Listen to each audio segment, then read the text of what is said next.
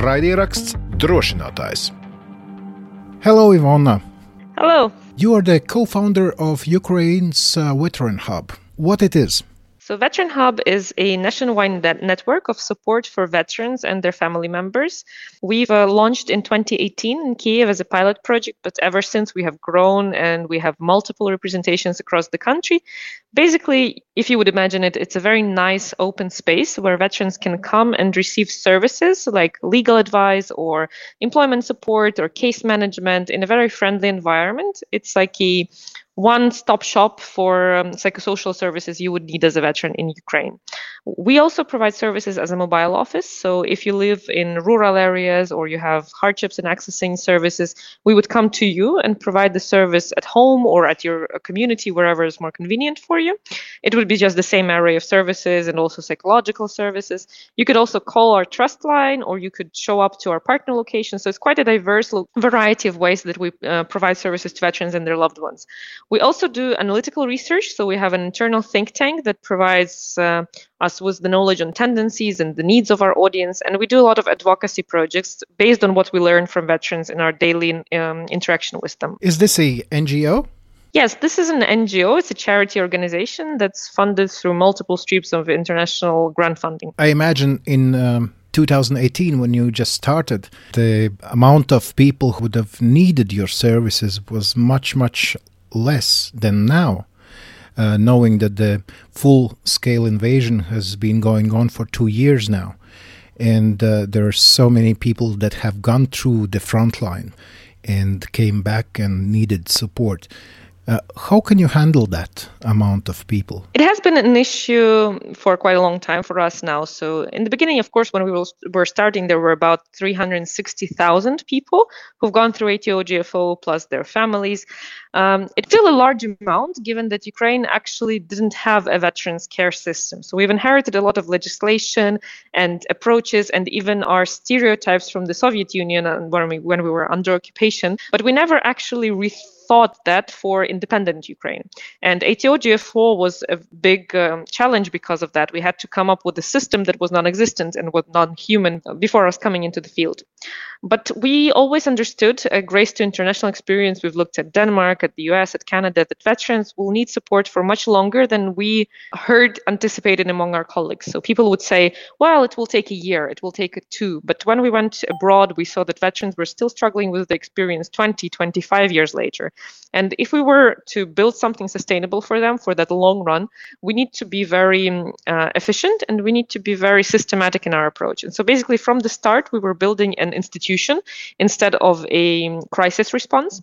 And basically, when the uh, full-scale invasion started, we understood that the most, the majority of our clients were remobilized for service. So because they were uh, they had combat experience, they were very much needed in the front, and they were mobilized once again, which gave us um, some credit of time. Honestly, even even now, even with many wounded and many returning due to age and family circumstances, we still understand that we are not at the mass demobilization. For us, this mass demobilization that is probably, hopefully, planned for next year is is a, a huge challenge that we are preparing ourselves to, and we're trying to make sure that our systems are well well built. So our people are well trained. We have enough uh, resources, spaces, and everything.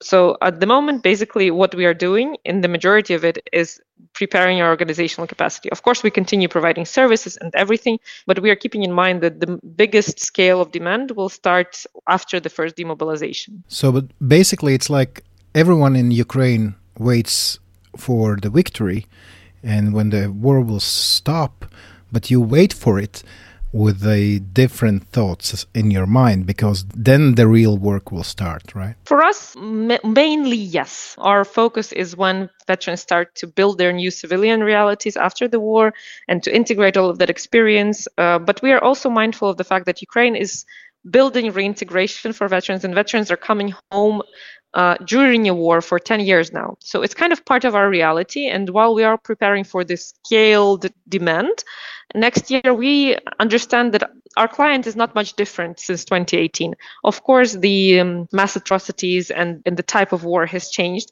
but people continue returning to a civilian but not a peaceful life, you know. So if in the US, for example, you would imagine a veteran quitting service and building a civilian peaceful life in a safe country to a certain extent, then in Ukraine, this challenge of deciding to quit service while your brothers in arms continue serving, while there is still a war going on, even if you have the right to do so, it's a very big mor- moral challenge for a lot of people. And we've seen that happening since since we opened. Why is there a need for Veterans Hub? Ukraine did not have a system of veterans affairs, and all of our mindset towards veterans all of our perception of veterans was very outdated and non-realistic. And so instead of looking at a person and at the need, person's needs, Ukraine as a system, as a government, as in, as the society, we're looking at a number of stereotypes and stamps that we um, attributed to veterans. And because of that, we had to create an institution that would actually help translate this experience and show the human side of the veteran experience and would help cover the need that the government does not cover for. So the government never saw veterans as a separate service target audience. They saw them along with many other, as they would call, problematic audiences. And we don't see veterans as such. We see veterans as, first of all, citizens who have quite a different experience and who have different uh, requirements in service provision in certain areas. But unfortunately, there's not much competency among the people. So, for example, in 2019, we figured out that a lot of our clients didn't get good health care. And the problem was not that there were no doctors, but the doctors had stigma that veterans were old. And so when they had a young woman, for example, or a young man show up that wouldn't have any attributes of a veteran, wouldn't wear paramilitary clothes or something like that, they wouldn't ask them about their military experience, and that would be overlooked in diagnosis. And so when a veteran after traumatic brain injury suffered a headache, they wouldn't get a treatment for traumatic brain injury consequences, they would get a treatment for a headache, which didn't provide them with the necessary um, outcomes. And so basically, what we did is we went to primary healthcare providers and we taught them about this knowledge, how to question a person whether they have been to war, whether have they have not. We tried to widen their horizon and make sure they understand that veterans can be very young. They can be 18, 19 years old. They can be wounded in battle, and it's not always seen. And so it's very important to ask this question preventively. Uh, and we do the same thing with many, many other audiences. We work with employers, we work with psychosocial providers, we work with uh, simple citizens who just um, ha- happen to know a veteran and help them understand how to better serve and how to better cooperate with veterans in their area of, of uh, expertise. How do you see the result of your work? So I would say that we were a change maker for this field, definitely. When we were starting, people wouldn't call veterans veterans. They would use whatever other word you can uh, come up with, like a fighter or a frontman or something like that, but wouldn't call them veterans as participants of war. We were very consistent in saying those people have participated in, at war, even if it wasn't called so, and they have the same experience and they should be called accordingly. We also uh, have changed the perception of how veteran services look. So if you would come to Veteran Hub in Kiev or in any other city, you would see a very, very modern, nice, and comfortable space that is very different from what Ukrainians are used to seeing in government buildings, especially in rural areas. And we've seen after our opening in 2018, many others copying this approach, which is a very positive example, actually. And so now it's a new norm that veterans receive services in nice places instead of outdated places.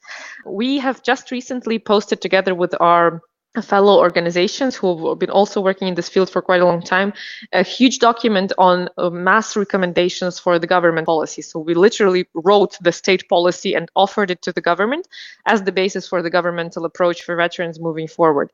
This all couldn't have been possible and if we didn't work with veterans daily for this whole time.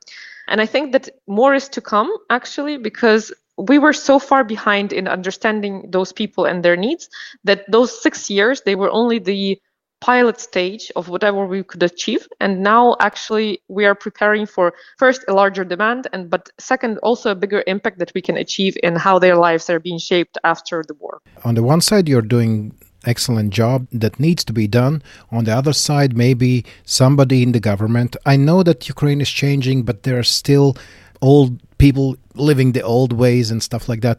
There might be some who would think that, oh, you are just showing people that the government is not capable of everything. What has been the response of uh, the government to your work? So I think in the beginning we were a bit of a visionary and they didn't really understand what we were trying to say and we didn't find the right words to explain ourselves.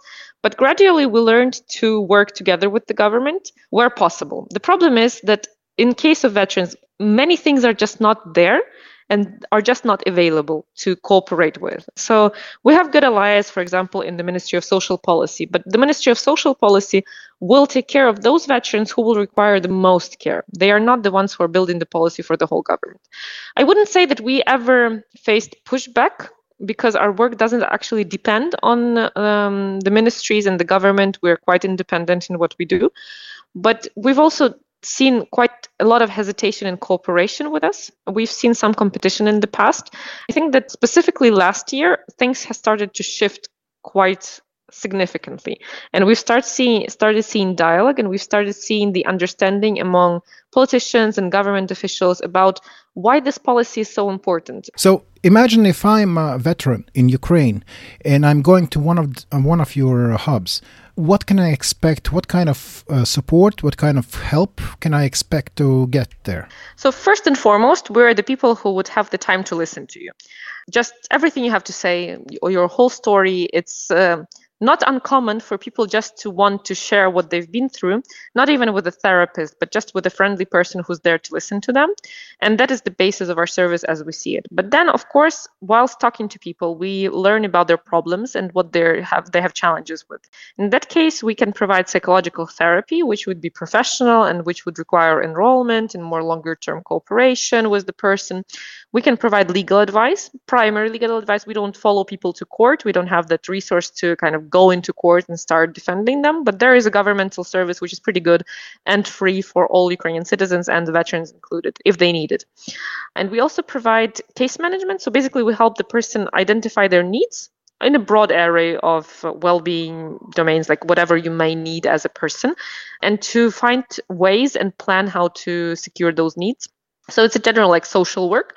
And we also provide employment counseling. So if you're looking for a job, if you're looking for re-employment, if you're trying to translate your military experience into something the civilian employer will actually understand on your CV, we would help you do that. And we would help you look for friendly employers who have a policy on veterans, who are working um, even with us. So, for example, our own organization has over 130 partners among Ukrainian employers who cumulatively employ up to a million people in the country and who are currently, with our help, developing their veteran policies.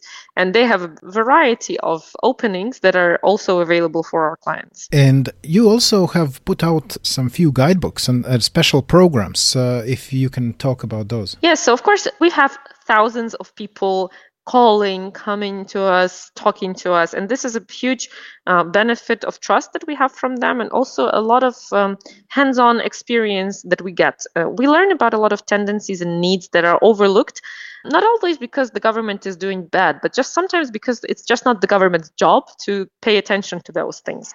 And we do our own internal analytics, so we do in depth research and we publish quite a lot of those, and we try to uh, make those problems visible and understand underlying reasons for them and how they can be treated. And then we also, based on those, often do our own solutions and we provide those solutions to, to the audience that, that's mentioned. So, for example, we did a guidebook on uh, sex and intimacy that's called Resex for wounded veterans and their partners who are recovering together and who are looking for a way to restart their intimate relationships. So, we've also done a guidebook for employers called Practica, teaching them how to be good employers to veterans and how to audit their processes to suit veterans' needs. We've been doing the same thing, a guidebook for uh, state employment agencies. Uh, on how they can best treat veterans in their interaction and many many others. So for mental health providers for primary healthcare providers. And we also did one for veterans quite recently on uh, conscious parenting. And actually it wouldn't even be fair to say that it is for veterans because the primary audience there is their uh, spouse. We did a guidebook on um, pregnancy, planning the pregnancy, uh, the actual pregnancy, labor, and the first year postpartum in times of war in military families. Because, like, when you look at it, most likely those women either were pregnant before the war started or they get, got pregnant during a war, meaning that their loved one is likely in the military and hasn't had the chance to be close to them. And we thought about those women and we thought about the situation that they're in and the information that they might be lacking, going to simple women consultations in uh, labor units to pediatricians who are not very well informed about the peculiarities of such relationships and the burden those women are actually taking on. And we created a guidebook for them. Uh, we distributed it through maternity wards, through women's consultations, and through uh, pediatricians to make sure they reach those women who are waiting for their husbands or to return from war, being pregnant or soon after labor. And we also created a set of information for the parents, for the husbands, uh, because it happens so that while being in the military and while fighting with Russia, it's quite an intense job. You don't really have the time to watch movies, you know, or go through a course. But we try to condense the information into 10 minute videos about how you can be a supportive partner, even not being there, or how you can participate in labor if you are lucky to get the vacation and to actually get there by the time that your wife goes in labor, how to take care of a child. So, everything normally a father would learn probably in preparation for pregnancy, but it's just the reality that the military guys, they don't have the time to do this, especially if it's their first kid and especially if it's their first kid while they're in service. So, it's very mindful of how is it to be a father who is not sure if he's going to be there during the raising of his kids. It's quite a intense experience and even making the decision to have kids during a war is very very hard to be honest. And we condensed a lot of information for the spouse. So for the f- woman who's taking on this motherhood role during a war with a spouse in, in the military and we created a book for her, her yes. But it is written in a very particular language and it makes focus on the areas important for her. So how do you build a relationship as new parents being not together, not being able to see each other for months and sharing this information? How do you make sure that the father gets the feeling of parenting? Or how do you mitigate this all? How do you feel how do you cope with loneliness? How do you cope with anxiety? How do you cope with the fact that you don't have help around? Because like the reality of those women is that unless they have somebody close which is not the case oftentimes.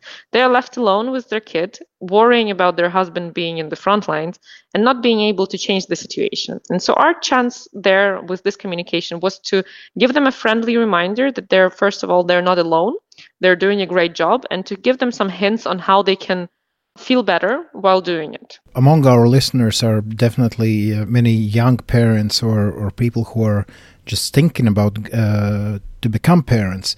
I don't want you to uh, tell me everything that's in your guidebooks in, in like two minutes. Of course, that's not possible. But I just want to get uh, our listeners to get the idea what it means on very human level. Help me understand what it is. You are on a front line. You have to kill your enemy. At the same time, you know your your spouse is giving birth to your first child, maybe right? What is the situation like? So, first of all, like when you're in the military, sometimes killing people is your job. And what we hear from our clients is that they don't pay that much attention to the fact because it is not about killing people it is about doing your duty and defending your country. Well i phrased the question wrongly. I'm not, i didn't mean to oh you're killing people. I mean you're defending your country of course. I'm not talking about that. But yeah at, at one point you you just have to be a soldier but at the same time uh, your thoughts are maybe back home with your wife right? Absolutely. When you're there and you're doing your job and this job just it's 24 7 you don't really have breaks. You don't have a schedule or something. You're you're always on the run and you're doing something.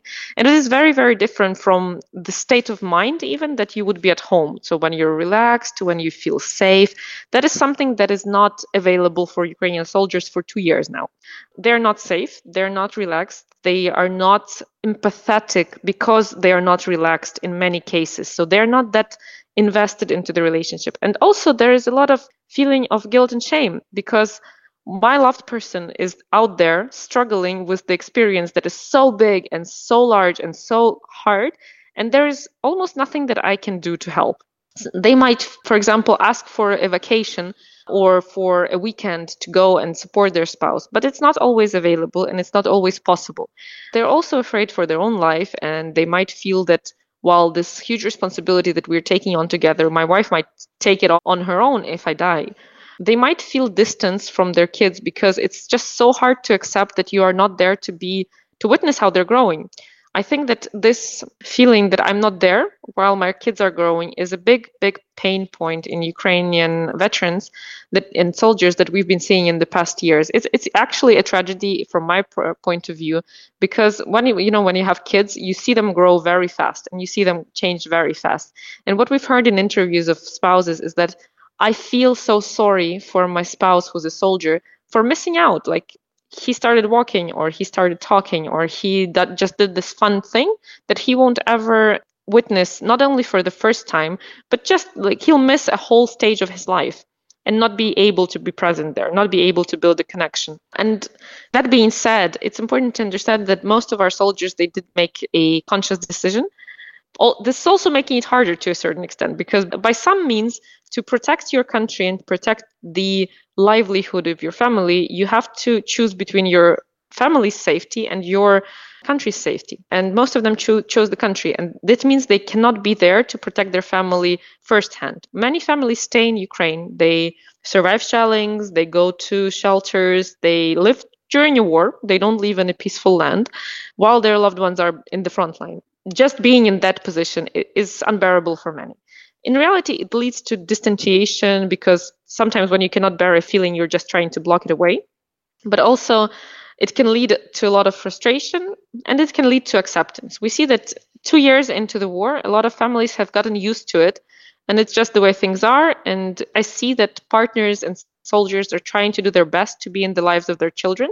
They're making a lot of effort and it's very creative effort. They're um, making dates with children online and they're kind of teaching them stuff. They're doing math together when they have time. They're having breakfast over video when they have the time. And uh, it, it's at the same time heartbreaking to see and very uplifting to see as well. For whom it is more difficult uh, if if you can sort of say that in general for the soldiers who are uh, at the front line or for the spouse back home who just gave birth or raising the kid? I think it's incomparable. So those are just two different experiences mm-hmm. in the same family unit and both of those people are struggling in a different way. I think that what spouses feel is a sort of alienation because when you're a spouse of a military, you're not a civilian 100% because you don't live the life civilians do. You don't enjoy the things civilians enjoy. You don't have that peace of mind that many people do have when their loved one is close. But you are also not in the military. You're not part of a spouse group or you're not connected to the brothers of arm in arms of your husband. You're just out there mostly on your own or with your family or close friends. It depends on the circumstances. And I think that this loneliness is probably one of the largest challenges uh, for those women. And the fact that they are not recognized legally they're not recognized societally to the appropriate extents. So it's it's kind of an unseen experience that is just just there. It's huge. It's very powerful in my personal opinion but it is not recognized as heroically as the experience of, of the military. But for the military guys it's not easier giving up all that and um, missing out on their lives and missing out on their own civilian identity, missing out on the relationships with their children, with their spouses, on the ability to be a good spouse, as as you would imagine, to contribute to the family household, to contribute to take care of them when they need to be taken care of. Not being able to do that is also a very very hard experience. I think that people who find strength to still do it and to they find creative ways to be close, to remain close, to remain trusted while going through so many heartbreaking issues is a huge power. And I admire it from a personal level a lot. Can you take something from the Western research, let's say, and apply it to uh, Ukraine?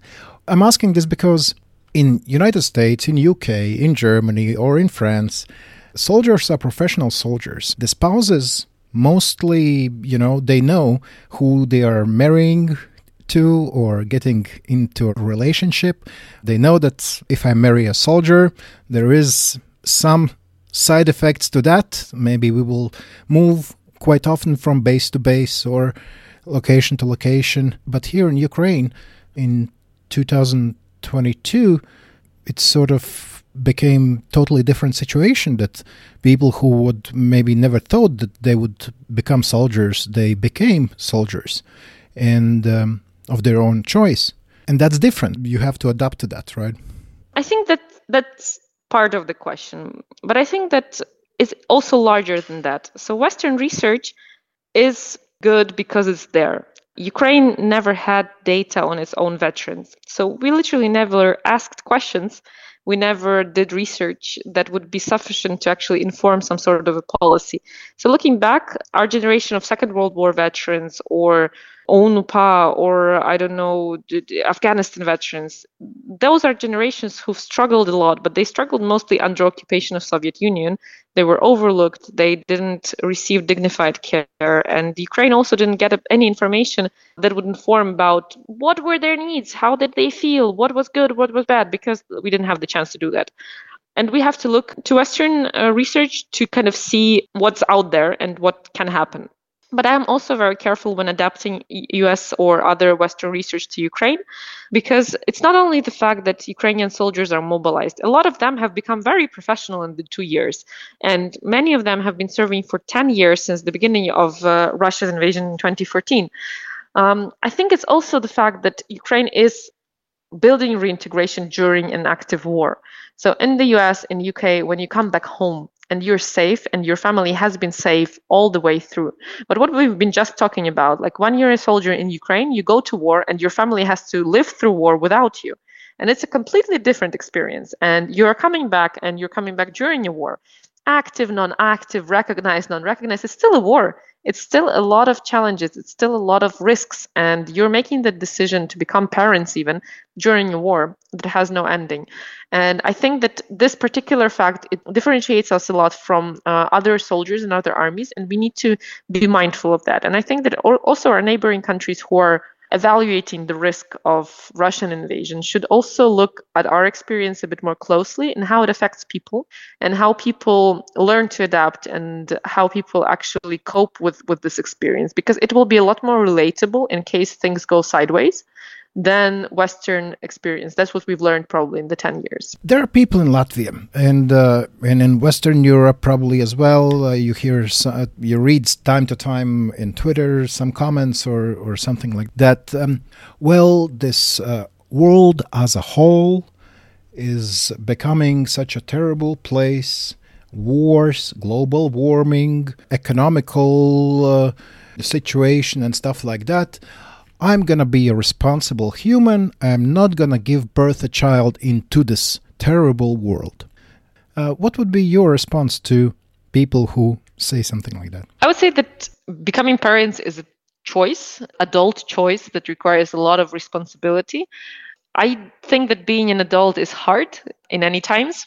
It might seem harder now than it was 20 years ago, but I don't think it is realistically so. I think that every adult generation is suffering from decisions that you have to make and responsibilities they have to take. And it comes down to whether you're fit for the responsibility, whether you want it, whether you actually want that experience, and whether you're ready for it or not. In regards to responsible parenting in military families, what we try to make visible for the military is that is it is natural for people in stress and in immediate um, danger for their life to feel the urge to reproduce and to have children. And it might be clear it might be not clear but sometimes you just get that feeling like what if i'm dead tomorrow and there's nothing left of me and whilst this requires a lot of respect to the person's feelings, we urge the person just to take time and think a little bit more about whether they want the parenting experience, whether they want the connection, they want the relationship with the child, whether they want to be parents, or they just are afraid of what's to come. And we touch base on that briefly in the guidebook because it's mostly to people who already made the decision. But in the future iterations of the project, the most we want to pay a lot of attention to the decision making process because even ATO after ATO JFO, we've seen a lot of unconscious decisions happening, which is natural for humankind just when they're in, in danger. But we've seen a lot of veterans coming more consciously to the choice of becoming parents a bit later in life after they started feeling better in civilian life after they just sorted out their whereabouts where they're working and where they're living what they're doing in civilian life and stuff like that and then committing to something so long term and so complex as parenting so at the moment, we don't have active campaigns about that, but I think it's worth mentioning that uh, life danger can also lead not to the fear of reproduction, but also to the will to reproduce. Right. Well, that was very eye opening. Thank you so much for that. Um, Thank you. Raidieraksts drošinātājs. Jā, paldies Dievam. Viņš sarunājās ar Ivanu Kostinu, veterānu hubu līdzdibinātāju. Un, jā, nu, tās pārdomas, laikam, kas man radās pēc šīs intervijas, ir nu, kaut vai viena no tām ir par to, ka patiesi kā varbūt atšķiras šo veterānu dzīve, karavīru dzīve pēc tam, kad jau viņš vairs nav frontē. Atšķiras no tiem karavīriem, kas varbūt, nu, nezinu, tajās pašās Amerikas Savienotajās valstīs beidz savus dienesta gaitas.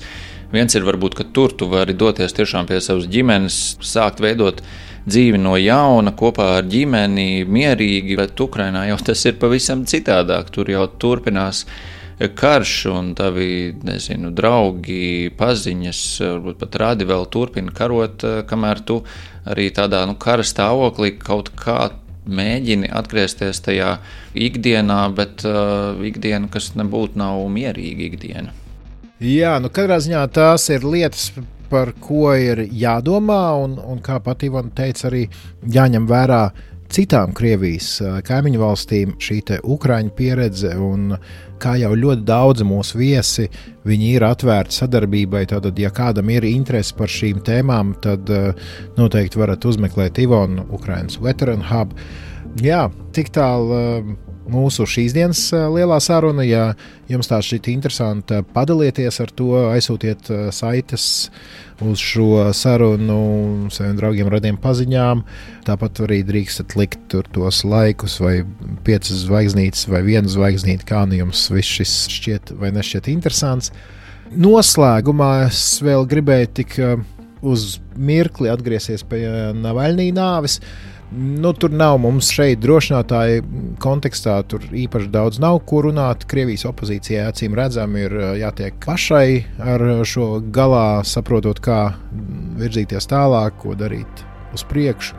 Bet, ja mēs runājam atkal jau drošinātāju kontekstā, tad ir jāsaprot, ka Navaļnijas nebūtu, piemēram, Ukrainā netika uztverts pozitīvi. Viņi redzēja šīs impēriskās ambīcijas un, un labi atcerās teksts par Krimu, kas nav viesmaizi, kur varētu dot šurp turp atpakaļ. Tāpat arī uh, droši vien jāuzsver ir liela atšķirība starp rietumiem un bijušo komunismu bloku, ka mums šeit uh, nepietiek vien ar to, ka kāds ir bijis pret Putinu.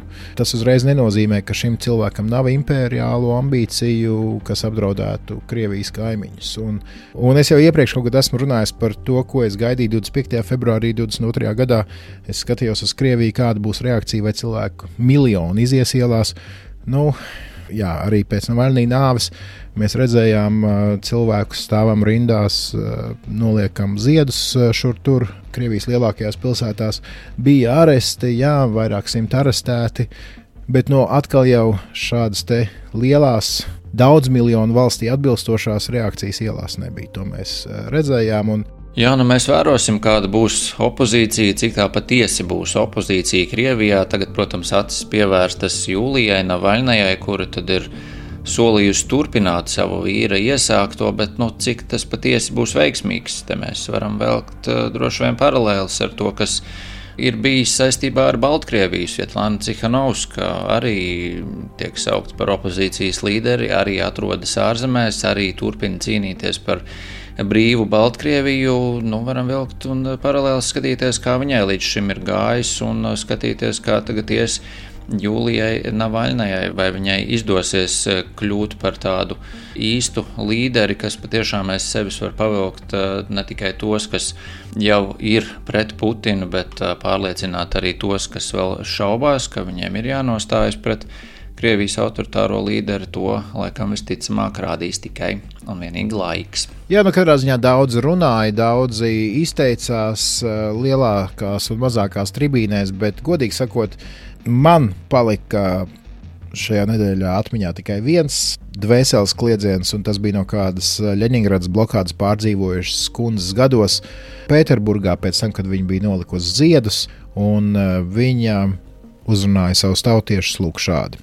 Хватит крови, хватит ненависти, Pietiek asiņu, pietiek naida, pietiek tā visa. Viņš ir mūsu valsts nodevējs, nodevējs Putins.